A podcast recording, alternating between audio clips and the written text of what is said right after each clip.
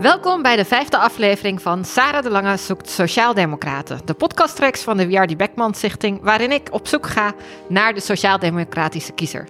Vandaag de gast Matthijs Roduin, uh, politiek socioloog en uh, universitair docent aan de Universiteit van Amsterdam. En Simon Otjes, universitair docent Nederlands politiek en medewerker van het documentatiecentrum voor uh, politieke partijen Nederland in Groningen. Welkom allebei. Jullie hebben de afgelopen periode uh, je verdiept in het linkse electoraat. Uh, zo in aanloop naar de verkiezingen van 17 maart 2021, over een paar weken. Um, en als we dan kijken naar dat electoraat, dan valt het op dat het eigenlijk op het moment uh, relatief klein is. Als we kijken naar de peilingen zoals die de afgelopen periode gepubliceerd zijn, dan peilen de drie grote linkse partijen, SP, GroenLinks en PvdA, nauwelijks meer dan in uh, 2017. Uh, en als ook we iets korter terugkijken, dus uh, naar voor de coronacrisis, dan zien we dat ze eigenlijk minder nu peilen dan in begin 2020. Ik zag bij pijler INO van uh, Peter Kanne, dat dat in uh, begin 2020 27% was en dat dat nu nog maar 23 procent uh, is. Wat is hier aan de hand? Ik denk dat als we het hebben over linkse kiezers, dat het dan gevaarlijk is om je meteen helemaal kapot te staren op die politieke partijen. Want als je kijkt naar de pro programmatisch naar de mensen die het eens zijn met ideeën van linkse politieke partijen, is die groep veel groter ongeveer twee derde van Nederland wil het inkomens eerlijker verdeeld worden. Dus ik denk dat daar wel een vraag zit van waarom doen die partijen het zo slecht dan waarom is links zo klein? Potentieel zou links veel groter kunnen zijn. En ligt het er ook aan naar, naar type partijen waar we op focussen? Moeten we ook kijken naar andere partijen en hoe die het doen in die context? Ja, je ziet natuurlijk een enorme, oh, enorme versplintering. Dat betekent bijvoorbeeld dat er nieuwe partijen opkomen. Uh, maar ook dat een partij als D66 het eigenlijk heel erg goed doet onder wat we traditioneel als links electoraat zouden omschrijven. En wat, wat zijn dan de kenmerken van die linkse kiezer? Uh, Matthijs, jij hebt de afgelopen tijd een onderzoek gedaan naar de verschillende electoraten van de Nederlandse politieke partijen. Heeft die kiezer duidelijke achtergrondskenmerken qua uh, leeftijd, opleidingsniveau en dergelijke? Ja, ik denk dat het er heel erg afhankelijk van is hoe je links precies op, omschrijft. Want uh, inderdaad, voorbouwend op wat Simon net zei. Uh, als je gaat kijken naar opvattingen, dan heeft uh, ongeveer twee derde van de Nederlandse bevolking heeft linkse ideeën. Zeker op economisch vlak, over inkomensherverdeling. Um, maar de vraag is denk ik vervolgens binnen die groep. wat voor groepen heb je daar weer? En als je gaat kijken naar de achtergrondkenmerken van linkse kiezers, dan denk ik dat je heel duidelijk dat onderscheid ook moet maken. Maar ik denk dat een van de belangrijkste, uh, uh, het, het belangrijkste element uh, om een kiezer daadwerkelijk als links te omschrijven, dat dat die opvattingen over sociaal-economische herverdeling is. En daarbij kun je allerlei smaken links onderscheiden. En wat voor soort smaken hebben we dan? Ja, ik, ik denk dat er twee hoofdsmaken zijn uh, van links. Uh, je, je, kunt natuurlijk zo ver gaan als je zou willen. Je kunt een heleboel uh, onderscheiden, maar ik denk dat er twee hoofdsmaken zijn. En de ene, dat is, dat is de wat cosmopolitischer ingestelde linkse kiezer. Dat is ook vaker de, hè, om over die achtergrondkenmerken te praten, de wat hoger opgeleide kiezer. Um, dat zijn mensen die, uh, die zijn uh, uh, pro-immigratie, die zijn positief over Europese integratie. En aan de andere kant de iets meer nationalistisch ingestelde linkse kiezer. En dat zijn de wat, ehm, nou, dat zijn de mensen die wat sceptischer zijn over Europese eenwording, mensen die wat sceptischer zijn over immigratie, ook vaak de wat lager opgeleide kiezers. En ik denk dat dat het onderscheid tussen die twee groepen, dat dat een van de belangrijkste, uh, nou, scheids, ja, scheidslijn is een beladen woord, maar uh, uh, dat, dat, dat dat het belangrijkste onderscheid is binnen links. Deel jij die analyse, Simon? Ja, wel dit landschap wat, wat Matthijs schetst, is eigenlijk heel bekend voor politicologen. Eigenlijk met twee dimensies, een economische dimensie en een culturele dimensie. Um, maar als je kijkt naar stemgedrag, is eigenlijk nog een tweede stap heel erg belangrijk. En dat is wat vinden kiezers belangrijk. En eigenlijk als we kijken naar die twee kwadranten die Matthijs net omschrijft, als kiezers binnen die kwadranten zeggen: economie is het belangrijkste onderwerp. Dus eigenlijk, ik denk met name aan die economische links-rechts dimensie. Dan stemmen ze op linkse politieke partijen. Maar voor beide kwadranten geldt dat als ze andere onderwerpen belangrijk vinden, moet je met name denken aan culturele onderwerpen, dan gaan ze naar partijen die je als niet links zou kunnen omschrijven. Dat is voor die cosmopolieten waar Matthijs net over had, D66. En dat is voor de meer conservatieve nationalistische kiezer dan bijvoorbeeld de PVV. En daar zit eigenlijk volgens mij het grootste dilemma voor links. Dat is dus dat niet alleen belangrijk is dat de kiezers de juiste posities hebben, Hè, dus dat ze aan de linkerkant staan en misschien voor de Partij van de Arbeid ook progressief op die culturele onderwerpen. Maar ook dat ze dus de bepaalde onderwerpen belangrijk moeten vinden. En alleen als ze die economische onderwerpen belangrijk vinden, gaan ze naar die drie linkse partijen, Partij van de Arbeid, GroenLinks en de Partij van de Arbeid toe. Ja, Oh, misschien dat ik even daarop, eh, daarbij mag aansluiten. Wat wel interessant is, gaat kijken naar de kiezers van de PVV, gaat kijken naar hun sociaal-economische opvattingen, die zijn, eh, die zijn behoorlijk links. Die zijn, eh sterker die zijn eigenlijk niet te onderscheiden van de opvattingen van mensen die op eh, SP, GroenLinks of PvdA stemmen. Dus als je alleen inderdaad naar die sociaal-economische thema's gaat kijken, dan zie je inderdaad dat, nou ja, dat, dat, dat, je, dat het electoraat van de PVV ook links is. En Simon, jij zei dat het belangrijk is eh, voor kiezers dat zij sociaal-economische vraagstukken belangrijk vinden en daar linkse opvattingen over hebben. Willen zij op eh, een van die drie klassiek linkse partijen stemmen? Eh, daar reken je dus ook GroenLinks onder. Een partij die vooral bekend staat ook om vraagstukken als het klimaat. Ja, en wat opvallend is als we over die thema's hadden, is eigenlijk een soort klein puntje. Hè? De Nederlandse kiezers vinden of economische onderwerpen belangrijk of culturele onderwerpen. En dan is er ongeveer 10% van de kiezers vindt groene onderwerpen belangrijk. Nou, die gaan en masse naar GroenLinks en de Partij voor de Dieren. Dus dat is in die zin wel een andere partij qua, thema, eh, qua thema's. Maar natuurlijk, als we nadenken over links in Nederland, dan hoort GroenLinks in mijn ogen daar zeker toe. Het is een, gevormd als een fusie van vier kleine linkse partijen, die zich altijd ten opzichte van de PvdA hebben verhouden in hoe hoe ze ook over zichzelf nadenken. Dus ik zou die zeker tot klassiek links eh, rekenen. Nou, die drie klassiek linkse partijen, die dus kiezers aantrekken die eh, sociaal-economisch links zijn en ook sociaal-economische thema's belangrijk vinden, die staan er gegeven de, de, de context op dit moment, gegeven de coronacrisis, gegeven het type vraagstukken dat er op dit moment op de agenda staat, niet zo eh, goed voor. Ze lijken niet te, te profiteren van de eh, omstandigheden op dit moment. Nee, ik denk dat dat zeker te maken heeft eigenlijk met het thema wat je hier noemt. Dat is de coronacrisis. En die gooit eigenlijk die analyse die, we, die ik net maakte over die drie of twee of drie thema's, gooit eigenlijk weer door, elkaar heen. Want dan is er een derde thema, corona. En dat gaat eigenlijk heel erg over, doet een politieke partij daar, biedt daar geloofwaardige oplossingen voor? En er is één partij die daar goed op scoort, onafhankelijk van wat wij daar nou misschien aan tafel van vinden. Dat is de VVD. Dat is de partij die, als over coronamaatregelen gaat, door kiezers gezien wordt als de partij die daar de oplossing heeft. En hoe belangrijker corona is, hoe beter de VVD het doet en hoe slechter dat is voor die linkse partijen, omdat ook een gedeelte van hun kiezers, ondanks hun meer economisch links en cultureel progressieve opvattingen, toch naar de VVD toe gaat. En dat geldt zowel voor de, de gezondheidsvraagstukken die met corona samenhangen, als ook met de sociaal-economische vraagstukken die daaraan gerelateerd zijn. Dus de, de, de, zo- zover, dat, daar, daar zou ik een peiling voor moeten doen om dat weet, beter te weten. Het is duidelijk dat op het moment dat als die gezondheidsvraagstukken in beeld komen en Rutte in beeld komt en zegt draag mondkapjes, eh, houd afstand, et cetera, et cetera, dat hij dan daar in de peilingen voordeel van heeft.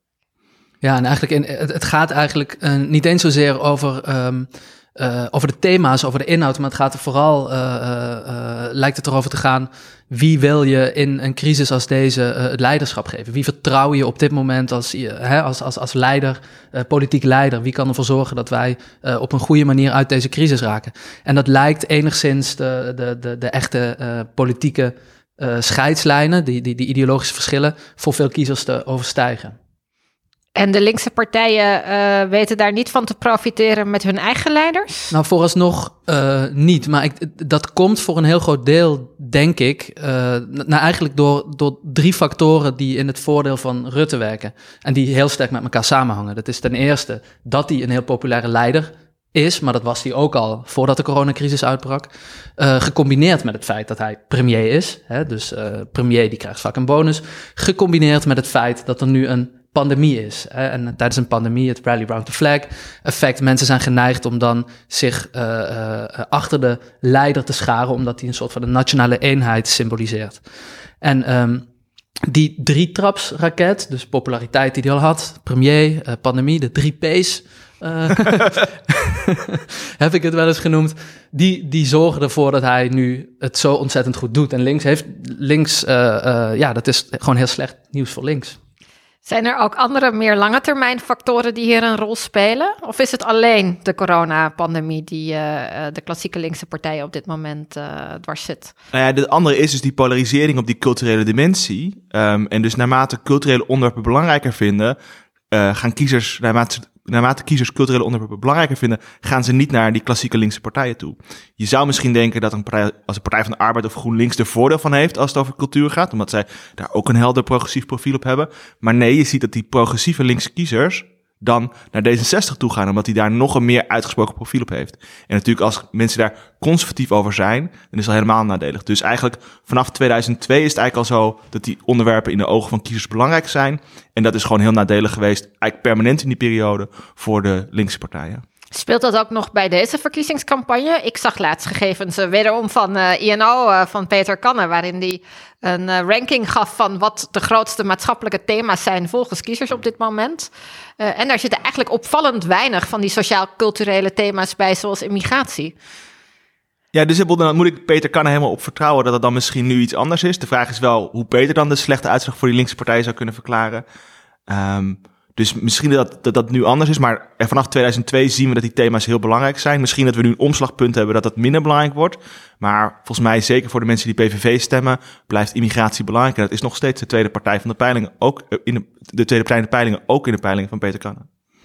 De kiezer die uh, sociaal-economisch linkse standpunten heeft en ook sociaal-economische uh, thema's belangrijk heeft, heeft dus drie klassieke linkse partijen om uit te kiezen. Uh, hoe, hoe sorteren ze die, zich die uit over die drie partijen? Zijn er duidelijke verschillen aan te wijzen in het electoraat van die drie uh, partijen? Ja, ik denk als je gaat kijken, hè, als je de, drie even neemt, GroenLinks, PvdA en uh, de SP, uh, denk ik dat, dat je een vrij duidelijk. Ik had het net over die twee smaken links. Ik denk dat je vrij duidelijk aan de ene kant GroenLinks en de PvdA hebt. En aan de andere kant de SP. De SP belichaamt meer die, die, die, die, die meer nationalistische kant. En de PvdA en GroenLinks de wat meer cosmopolitische kant. Waarmee ik niet wil zeggen dat de SP echt nationalistisch is, hè, maar dat ze iets meer die kant op bewegen. En met name dat hun kiezers ook zo zijn. En met hè? name de kiezers ook. Ja. De, de, SP heeft, heeft zelf een vrij progressieve oriëntatie. Het gaat om vluchtelingen. Maar de kiezers die economisch links zijn en meer constitutie over die vluchtelingen, die stemmen toch op de SP. Dus die denken toch meer dat die partij misschien op die onderwerpen ook dichter bij hun staat. Ondanks dat ze in de Kamer daar best progressief over zijn. Ja, ja en bij de, bij de SP is natuurlijk wel interessant dat uh, de afgelopen jaren zie je dat de partij er ook echt mee geworsteld heeft. Met, die, uh, met, de, met de positie die ze moeten innemen op die culturele vlakken. Met name onder Ron Meijer, toen die partijvoorzitter was. Uh, zag je dat ze iets meer flirten met die minder cosmopolitische kant. Um, immigratie enigszins, maar vooral natuurlijk ook Europa. Want als je die meeneemt in die culturele uh, dimensie. Daar staan, staan, staat de partij en de kiezer echt wel wat op afstand van, uh, van de PvdA en GroenLinks en de PvdA en GroenLinks kiezen. Dus ik denk dat dat, dat, dat onderscheid uh, tussen die twee heel belangrijk is. Wat niet wil zeggen overigens dat er geen verschillen zijn tussen de PvdA en GroenLinks, hè, want die, die zijn er ook wel. Maar ik denk dat die minder groot zijn en minder fundamenteel zijn. Of inhoudelijk minder groot. Het is gewoon een generatieverschil tussen de PvdA en GroenLinks. Absoluut, ja. Dat is waar, In, inhoudelijk inderdaad. En, en dan gaat het met name om klimaat. Dat, je, dat, dat, dat, is het thema meestal voor GroenLinks en voor, voor de PvdA en voor de PvdA-stemmer.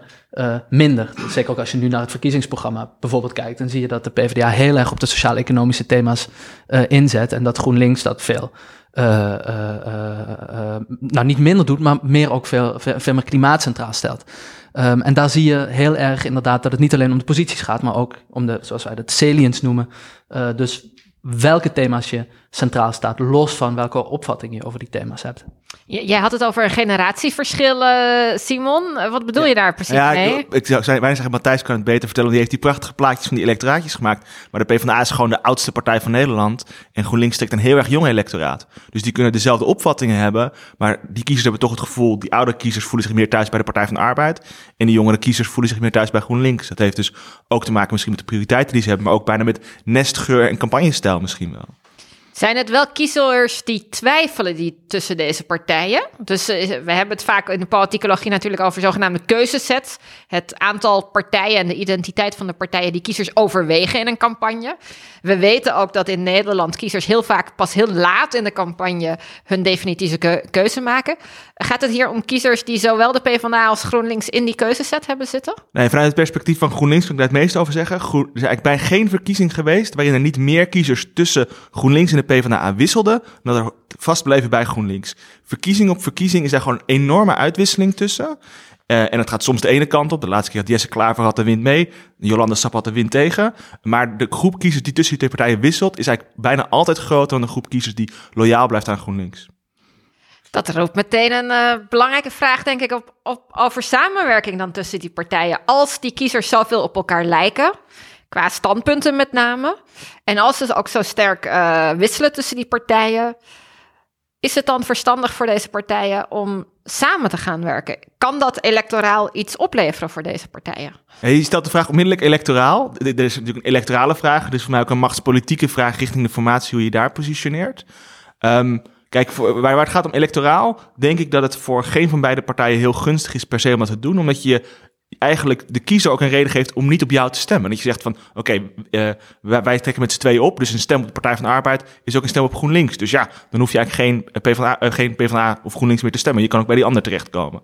Ik denk dat er machtspolitiek richting de formatie een heel andere analyse is. En dat is namelijk dat je, dat je met z'n tweeën nu vrij klein zijn, dat je beter samen kan werken om een blok te vormen, dan elkaar uiteen laten spelen door rechts. Ik denk niet per se dat het gunstig is electoraal. Ja, het is, het is ook heel lastig voor ons om daar nu al uitspraken over te doen natuurlijk, omdat het van zoveel factoren afhankelijk is. En ik denk, eh, logisch gezien betekent samenwerking en stembursakkoord, of hoe je het ook gaat doen, dat je naar elkaar toe beweegt, waardoor je, uh, uh, waardoor je op, de, op, op, op de flanken misschien weer wat meer ruimte laat voor kiezers om naar een andere partij over te lopen. En um, dat is het risico wat je, wat je loopt volgens mij bij zo'n uh, uh, bij, bij zo'n samenwerking. Je hoopt dan dat dat risico, um, um, of, of dat dat risico blijft, maar dat dat overstemd wordt door het enthousiasme dat die samenwerking oproept. Uh, en, en, en dat is eigenlijk de grote vraag. Of, of, of, of, of het enthousiasme van mensen over zo'n linkse samenwerking, het mogelijke weglopen van kiezers naar andere partijen als D66 of de SP, of die dat niet zal doen en uh, het zal overstijgen en jou dus succesvoller zal maken. En jullie zien alle twee electorale risico's, met name het risico dat uh, de kiezer die op GroenLinks of PvdA zou kunnen stemmen, dan ook een andere partij overweegt die gelijkaardige standpunten heeft. Um, vorig jaar schreef Peter Kanne, wederom van INO Research. We hebben hem vandaag bijna te gast aan de tafel. Die schreef in uh, de SND uh, van die WRD Blackman Stichting een, een stuk op basis van onderzoek dat hij had gedaan, waarin hij schreef dat uh, uit een experiment dat hij had gedaan onder uh, mogelijke GroenLinks en uh, PvdA-kiezers bleek dat dat netto iets op zou kunnen leveren als er een samenwerking zou komen. Maar dat is natuurlijk de vraag wat voor soort samenwerking. Als ik me het goed herinner was het een vrij intensieve gezamenlijke lijst. En dat kan natuurlijk een hele eigen dynamiek opleveren. Zowel wat Matthijs omschrijft, dat dan de rechterflank van de PvdA naar D66 gaat en de linkerflank van GroenLinks naar de Partij voor de Dieren. Maar ook dat je een premierstijd zou kunnen creëren tussen de gezamenlijke kandidaat van GroenLinks en de Partij van de Arbeid en de VVD. Uh, dat, dat kan een hele eigen dynamiek creëren, maar dat kan nog steeds aan beide kanten onvoorspelbaar zijn. Um, maar zo'n samenwerking is nog wel vijf, zes, zeven stappen verwijderd van waar we nu zitten in de samenwerking tussen de linkse partijen. We mogen al heel blij zijn als ze daadwerkelijk na de verkiezingen elkaar vasthouden uh, richting de formatie. Uh, volgens mij staan we daar überhaupt wel ver vanaf. Ja, precies. Maar volgens mij moeten we er zelfs nog naartoe dat ze elkaar vasthouden voor de verkiezingen. dat is nog niet, uh, nog niet helemaal duidelijk. Dus ik denk, en volgens mij dat onderzoek ging ook echt over een fusie, hè, dacht ik. en ik denk ook dat het heel belangrijk is op het moment dat je zover bent, en zover zijn we dus echt inderdaad nog lang niet, dat je het, ja, dan is het ook belangrijk voor de kiezer wat dan de punten zijn in zo'n programma. Wie de leider uh, wordt van die fusiepartij. Dus zo'n fusiepartij is denk ik echt nog heel ver weg. Ik denk dat het interessanter is om het nu over uh, stembusakkoorden te hebben of zoiets dergelijks. Want zelfs dat, ja, het is mij niet helemaal duidelijk waar we nu staan. Maar volgens mij is er geen stembusakkoord. Dat was er in het verleden wel in de gemeente Amsterdam. In 2017 sloten de linkerpartijen uh, hier een linkspact in aanloop naar de gemeenteraadsverkiezingen van 2018.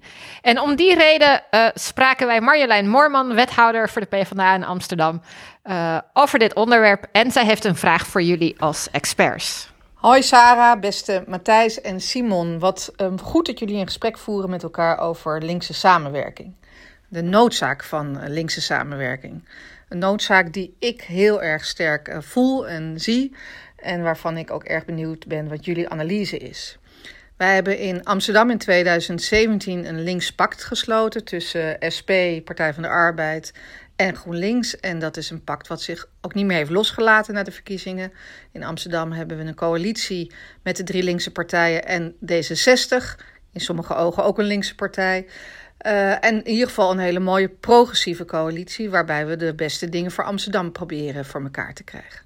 En dat is ook waarom ik een enorme voorstander ben van linkse samenwerking, omdat ik denk dat je met elkaar, als je je krachten bundelt, veel beter je agenda voor elkaar kan krijgen. En daarom ben ik ook zo gefascineerd en soms ook gefrustreerd dat linkse samenwerking zo slecht lukt. Zeker in deze tijd, waarbij je ziet dat de thema's steeds meer naar links uh, gaan. Dat ook steeds meer mensen de linkse oplossingen steunen en noodzakelijk vinden voor ons land. Maar dat je tegelijkertijd ziet dat dat zich niet vertaalt in stemmen en uh, prognoses voor de zetels. Mijn analyse is dat dat dan ook niet zozeer te maken heeft met de inhoud. Mensen steunen wel waar wij voor staan en wat wij belangrijk vinden en ook onze oplossingen. Maar geloven niet dat we het ook daadwerkelijk voor elkaar gaan krijgen. En zeker niet meer naar Rutte 2. En ik denk daarom dat linkse samenwerking echt een oplossing kan zijn om juist ook dat geloof in maakbaarheid, geloven dat je het ook daadwerkelijk kan veranderen, dat het echt de kant op gaat die wij willen, dat je dat juist met linkse samenwerking dat geloof weer veel meer kan stimuleren en dat het daarom ook echt belangrijk is om te laten zien. Ik ben heel benieuwd of jullie deze analyse delen en naar jullie reacties erop. Ja, delen jullie deze analyse van de wethouder? Ja, dus ik, ik denk dat ik op twee, twee, niveaus kan reageren. Ten eerste ben ik het gedeeltelijk met wat ze zegt eens. Namelijk dat kiezers niet alleen maar gedreven worden door de vraag: ben ik het eens met deze partij? Maar bij de beslissing: stem je op die partij? De vraag: kunnen ze het waarmaken? ook heel erg belangrijk is. En het zou potentieel zo kunnen zijn, maar dat is nog een vraag die volgens mij niet precies genoeg onderzocht is, dat zo'n samenwerking daaraan bij kan dragen. Um, maar dat zou nog voor mij nog steeds betekenen, als je erover nadenkt. Kijk, een kiezer die twijfelt tussen GroenLinks en de Partij van de Arbeid, die wil uiteindelijk waar voor zijn geld. Dus die stemt ook gedeeltelijk op de partij die, die het meeste realistisch leiderschap uh, vindt tonen. Uh, en dus dat kan, kan, dat kan die twijfelende kiezer overtuigen. Maar of het een twijfelende kiezer die nu niet op die linkse partijen stemt, of het dat kan overtuigen, dat weet ik niet. En misschien dat het wel juist meer een barrière kan opwerpen voor iemand die van D66 komt en misschien de PvdA te conservatief vindt, of iemand die van de SP komt en die GroenLinks te progressief vindt.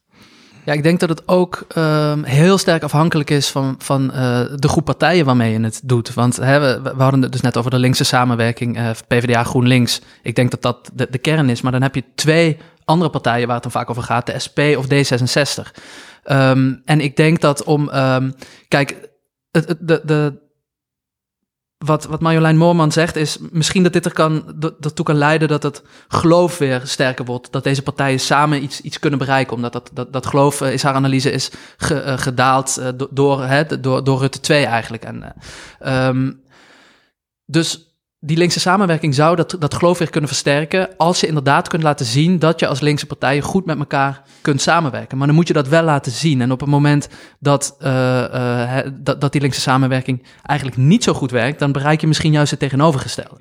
Um, en dat, dat is het risico dat je, dat je wel loopt. als je een, denk ik, ten eerste een te grote groep partijen erbij betrekt. Dus ik denk niet dat je met D66 en de SP een pre-electorale coalitie kunt sluiten. Misschien na de, uh, na de verkiezingen wel, maar van tevoren moet je wel echt um, heel dicht bij elkaar staan of je goed tot elkaar aangetrokken voelen uh, om, dat, om dat vol te houden. Um, en ik denk dat je daar hele goede afspraken over moet maken. En ik heb nu de indruk dat, hè, als we het over de linkse samenwerking nu hebben, dat die afspraken er nog niet zijn. En ik ben bang dat, um, dat een linkse samenwerking die mislukt, juist averecht zou kunnen werken. En dat mensen daardoor juist nog minder vertrouwen in die linkse samenwerking krijgen. Nou, ook vanuit dit uh, perspectief zijn er dus kleven er dus electorale risico's aan uh, samenwerking. Maar zoals jij al zei, Simon, je kunt ook strategische overwegingen hebben om toch samen te willen werken. Ja. Uh, welke strategische overwegingen hebben we het dan over? Nou, dus wij zijn twee typen overwegingen. De eerste gaat eigenlijk heel simpel over wanneer krijg je je eigen punten in een regeerakkoord terecht. En als je daar onderzoek naar doet, dan zie je dat het niet zozeer ligt aan hoe groot je bent. Ook de ChristenUnie heeft bijvoorbeeld in dit coalitieakkoord punten erin gekregen. Maar naarmate jij onderhandelt met partijen die het meer met je eens zijn, krijg je meer van je eigen punten erin. Het klinkt bijna als een soort, het is heel bazaal, maar voor politicologen is dit wereldschokkend, kan ik je vertellen. dit hadden wij nog niet door. Um, dus uh, dat eerste geeft betekent dat het, dat het beter is en gunstiger is om met partijen te onderhandelen die het met je eens zijn. Dus liever onderhandelen met Partij van de Arbeid, GroenLinks en D66 dan de Partij van de Arbeid en de VVD, zoals in 2012. Het tweede is volgens mij dat je een berekening moet gaan maken richting de formatie. Hoe gaat die eruit zien? En wat betekent dat voor onze positie? En als je daar nu naar kijkt, naar hoe het speelveld er nu voor staat, lijkt erop dat de coalitie waarschijnlijk net wel of net niet haar meerderheid houdt. En dus dat ze misschien op zoek zijn naar een extra partner daarbij, of dat ze de ChristenUnie inruilen voor één andere partij, of dat ze zelfs met z'n vieren verder kunnen gaan. Dat betekent dus dat het waarschijnlijk zo is dat als de coalitie geen meerderheid houdt, en ze gooien de ChristenUnie eruit en ze halen, dan hebben ze een keuze halen of de Partij van de Arbeid of GroenLinks erbij. Nou ja, dat betekent dat die, die twee partijen moeten onderhandelen met partijen die rechts van hun zijn. Terwijl als ze elkaar, zich aan elkaar vasthouden, dan is er voor die coalitie hopelijk vanuit het perspectief van GroenLinks de Partij van de Arbeid het zo dat ze geen andere mogelijkheid hebben en dat ze dan maar nog een, een tweede partij eruit moeten gooien om ervoor te zorgen dat ze GroenLinks en de Partij van de Arbeid erbij trekken. Dat is de analyse waarom ik zeg, ja, je moet elkaar vasthouden. Uh, maar dat betekent dus wel dat je elkaar echt moet vertrouwen. En is vooraf en achteraf echt in elkaar vasthouden. Omdat je weet dat als je het doet, dat dan die coalitie beter wordt. En niet toch uiteindelijk, ja, Pol zegt van, nou ja, we willen met een linkse partij erin. En dat kan de SP zijn of GroenLinks vanuit het perspectief van de Partij van de Arbeid. Of zoals de GroenLinks nu heeft gedaan, iedereen uitgenodigd, maar niemand kwam. Ja, ook niet de beste onderhandelingsstrategie, denk ik. Je verhaal gaat ervan uit dat de linkse partijen een rol zullen spelen in de formatie. Als we op dit moment naar de peilingen kijken, dan zou het zo kunnen zijn dat het huidige kabinet uh, zijn meerderheid behoudt en de partijen eigenlijk al uh, aan het begin van de formatie buiten de boot vallen. Kan een andere strategische overweging ook zijn uh, dat het je helpt om de, de belangrijkste oppositiepartij uh, te worden? Want als we nu kijken naar de verhoudingen, uh, stel we krijgen een hetzelfde kabinet van VVD, CDA, D66 en ChristenUnie, dan betekent dat, gegeven de peilingen, dat de grootste oppositiepartij de PVV is. en niet dat het links versus het kabinet noodzakelijkerwijs is. Ja, deze natuurlijk in, in sommige landen is een hele bijzondere positie voor de grootste oppositiepartij. Die is er in Nederland niet. Paul Rozenmuller was tussen 98 en 2002 de leider van de oppositie tegen het Paarse kabinet. Niet omdat hij de grootste partij was, hij had maar elf zetels, maar omdat hij het beste die kritiek kon leveren. Uh, en dus dat betekent tegelijkertijd dat als GroenLinks en de Partij van de Arbeid bij wijze van spreken samen een fractie zouden vormen en dan zouden ze zeggen van oké, wij zijn oppositieleider. Ja, als, ze nog, als het nog steeds een coronacrisis is en ze gedogen het kabinet op die onderwerpen, dan zijn ze ook geen geloofwaardige oppositie. Maar het kan even goed zo zijn dat de onderwerpen naar links toe, toe, uh, naar links toe, toe draaien. Dat ervoor zorgt dat wij alleen maar over klimaat gaat. En dat een Jesse Klaver of een Liliane Ploemen door, door, door, door groen bezeten wel denkt van ik kan op deze onderwerpen de heldere oppositie leveren. Dus er is geen bijzondere positie in Nederland voor de grootste oppositiepartij.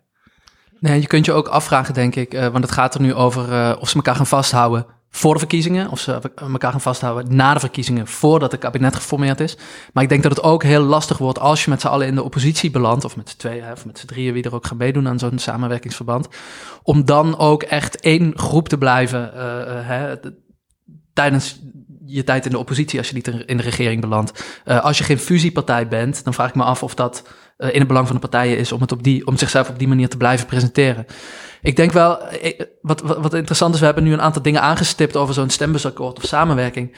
Um, maar ik denk, een, uh, ik denk wat, wat, Simon al zei, dat een van de belangrijkste redenen of, belangrijkste voordelen is dat je eigenlijk samen sterker staat dan alleen in onderhandelingen. Hè. Dat is heel kort samengevat in, in, van jouw argumenten.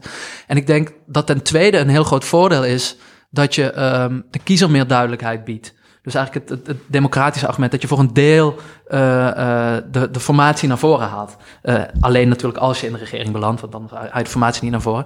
Maar dat, dat biedt duidelijkheid aan de kiezer. Omdat je, als je van tevoren zegt, we gaan samenwerken op, op die en die punten en dit wordt ons plan.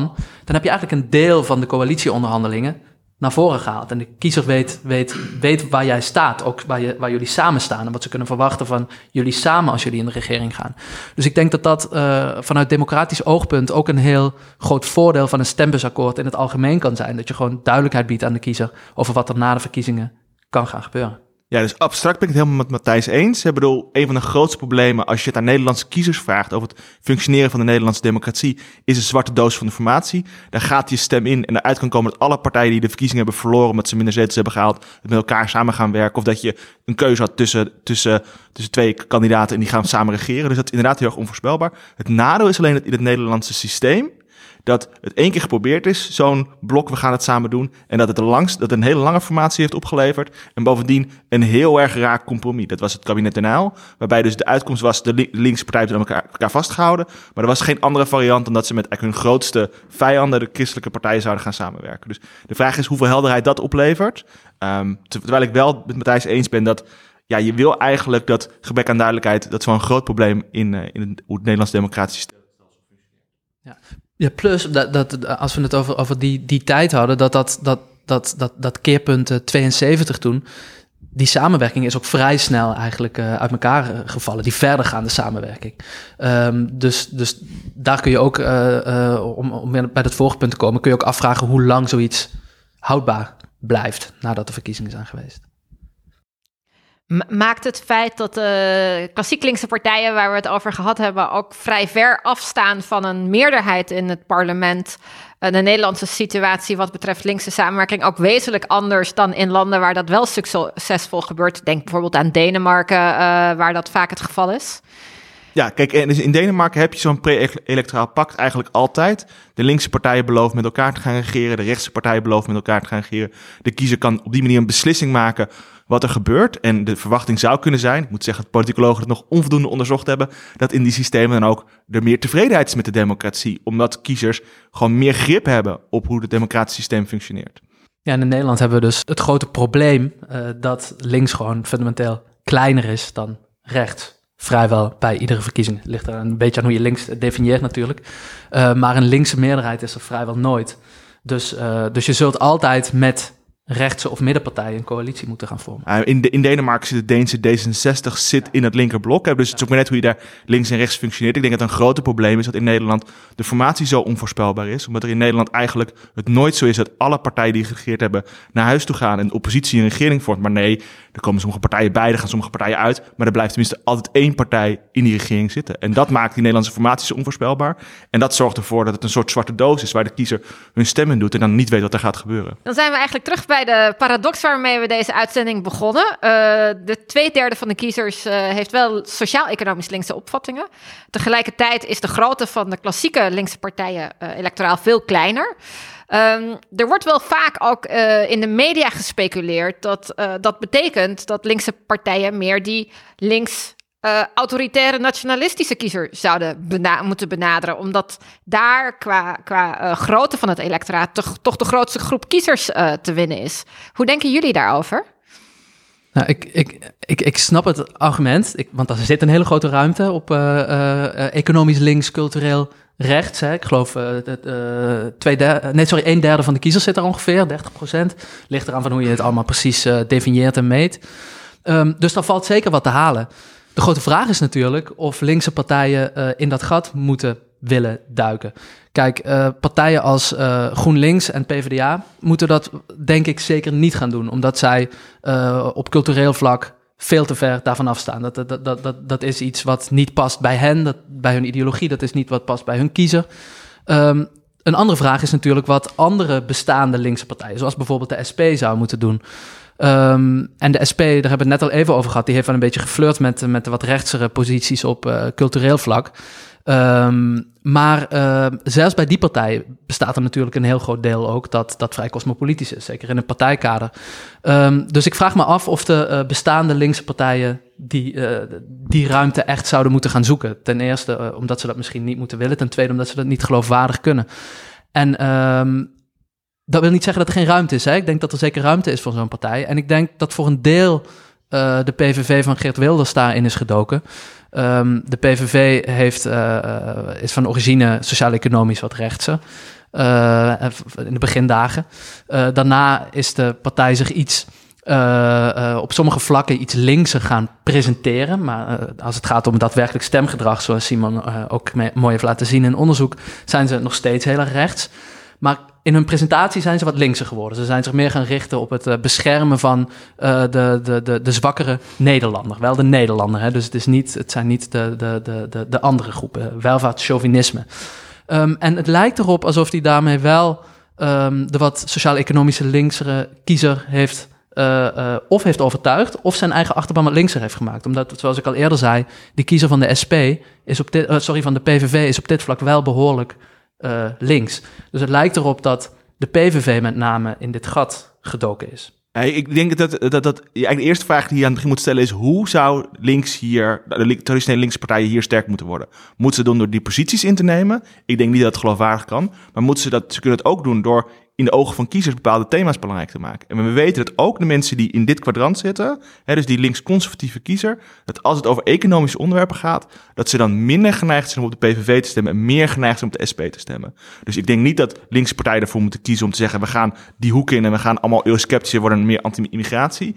Maar ze moeten, ze moeten uiteindelijk campagne voeren om ervoor te zorgen dat ook in de ogen van die kiezer het gaat over uh, economische onderwerpen. Want je zegt dat de PvdA zit, hoort daar misschien niet thuis, maar in het verleden stemden mensen die in het kwadrant zaten wel vaker Partij van de Arbeid. Dus het kan wel, maar volgens mij moet je niet, moet je niet denken dat je posities kan veranderen. Maar je moet de thema's die in de ogen van de kiezers zijn uh, veranderen. En dan kan ook in dat kwadrant kan, uh, kunnen sterk zijn. Bedenk je wel, de VVD doet het nu vaak beter in dat kwadrant dan de Partij van de Arbeid. Nou, dat komt niet per se omdat die kiezers nou het heel erg eens zijn met alle punten van de VVD. Maar zeggen nou, die culturele agenda van de VVD, die is beter voor mijn groep mensen dan de culturele agenda van de Partij van de Arbeid. Maar als het over economische onderwerpen zou gaan, dan zouden die kiezers daar misschien anders over denken. Ja, ja in, het, in, het, in het verleden is het natuurlijk wel. Ik, ik, ik, ik, ik vraag me dat af of de, of de, uh, uh, de PvdA zich echt hier zo op zou moeten gaan richten. Want je hebt, je hebt gelijk, in het, in het verleden slaagde de PvdA natuurlijk, en dat was de kracht van de PvdA, om die verschillende groepen aan zich te binden en een, een partij te zijn voor deze verschillende electoraten eigenlijk.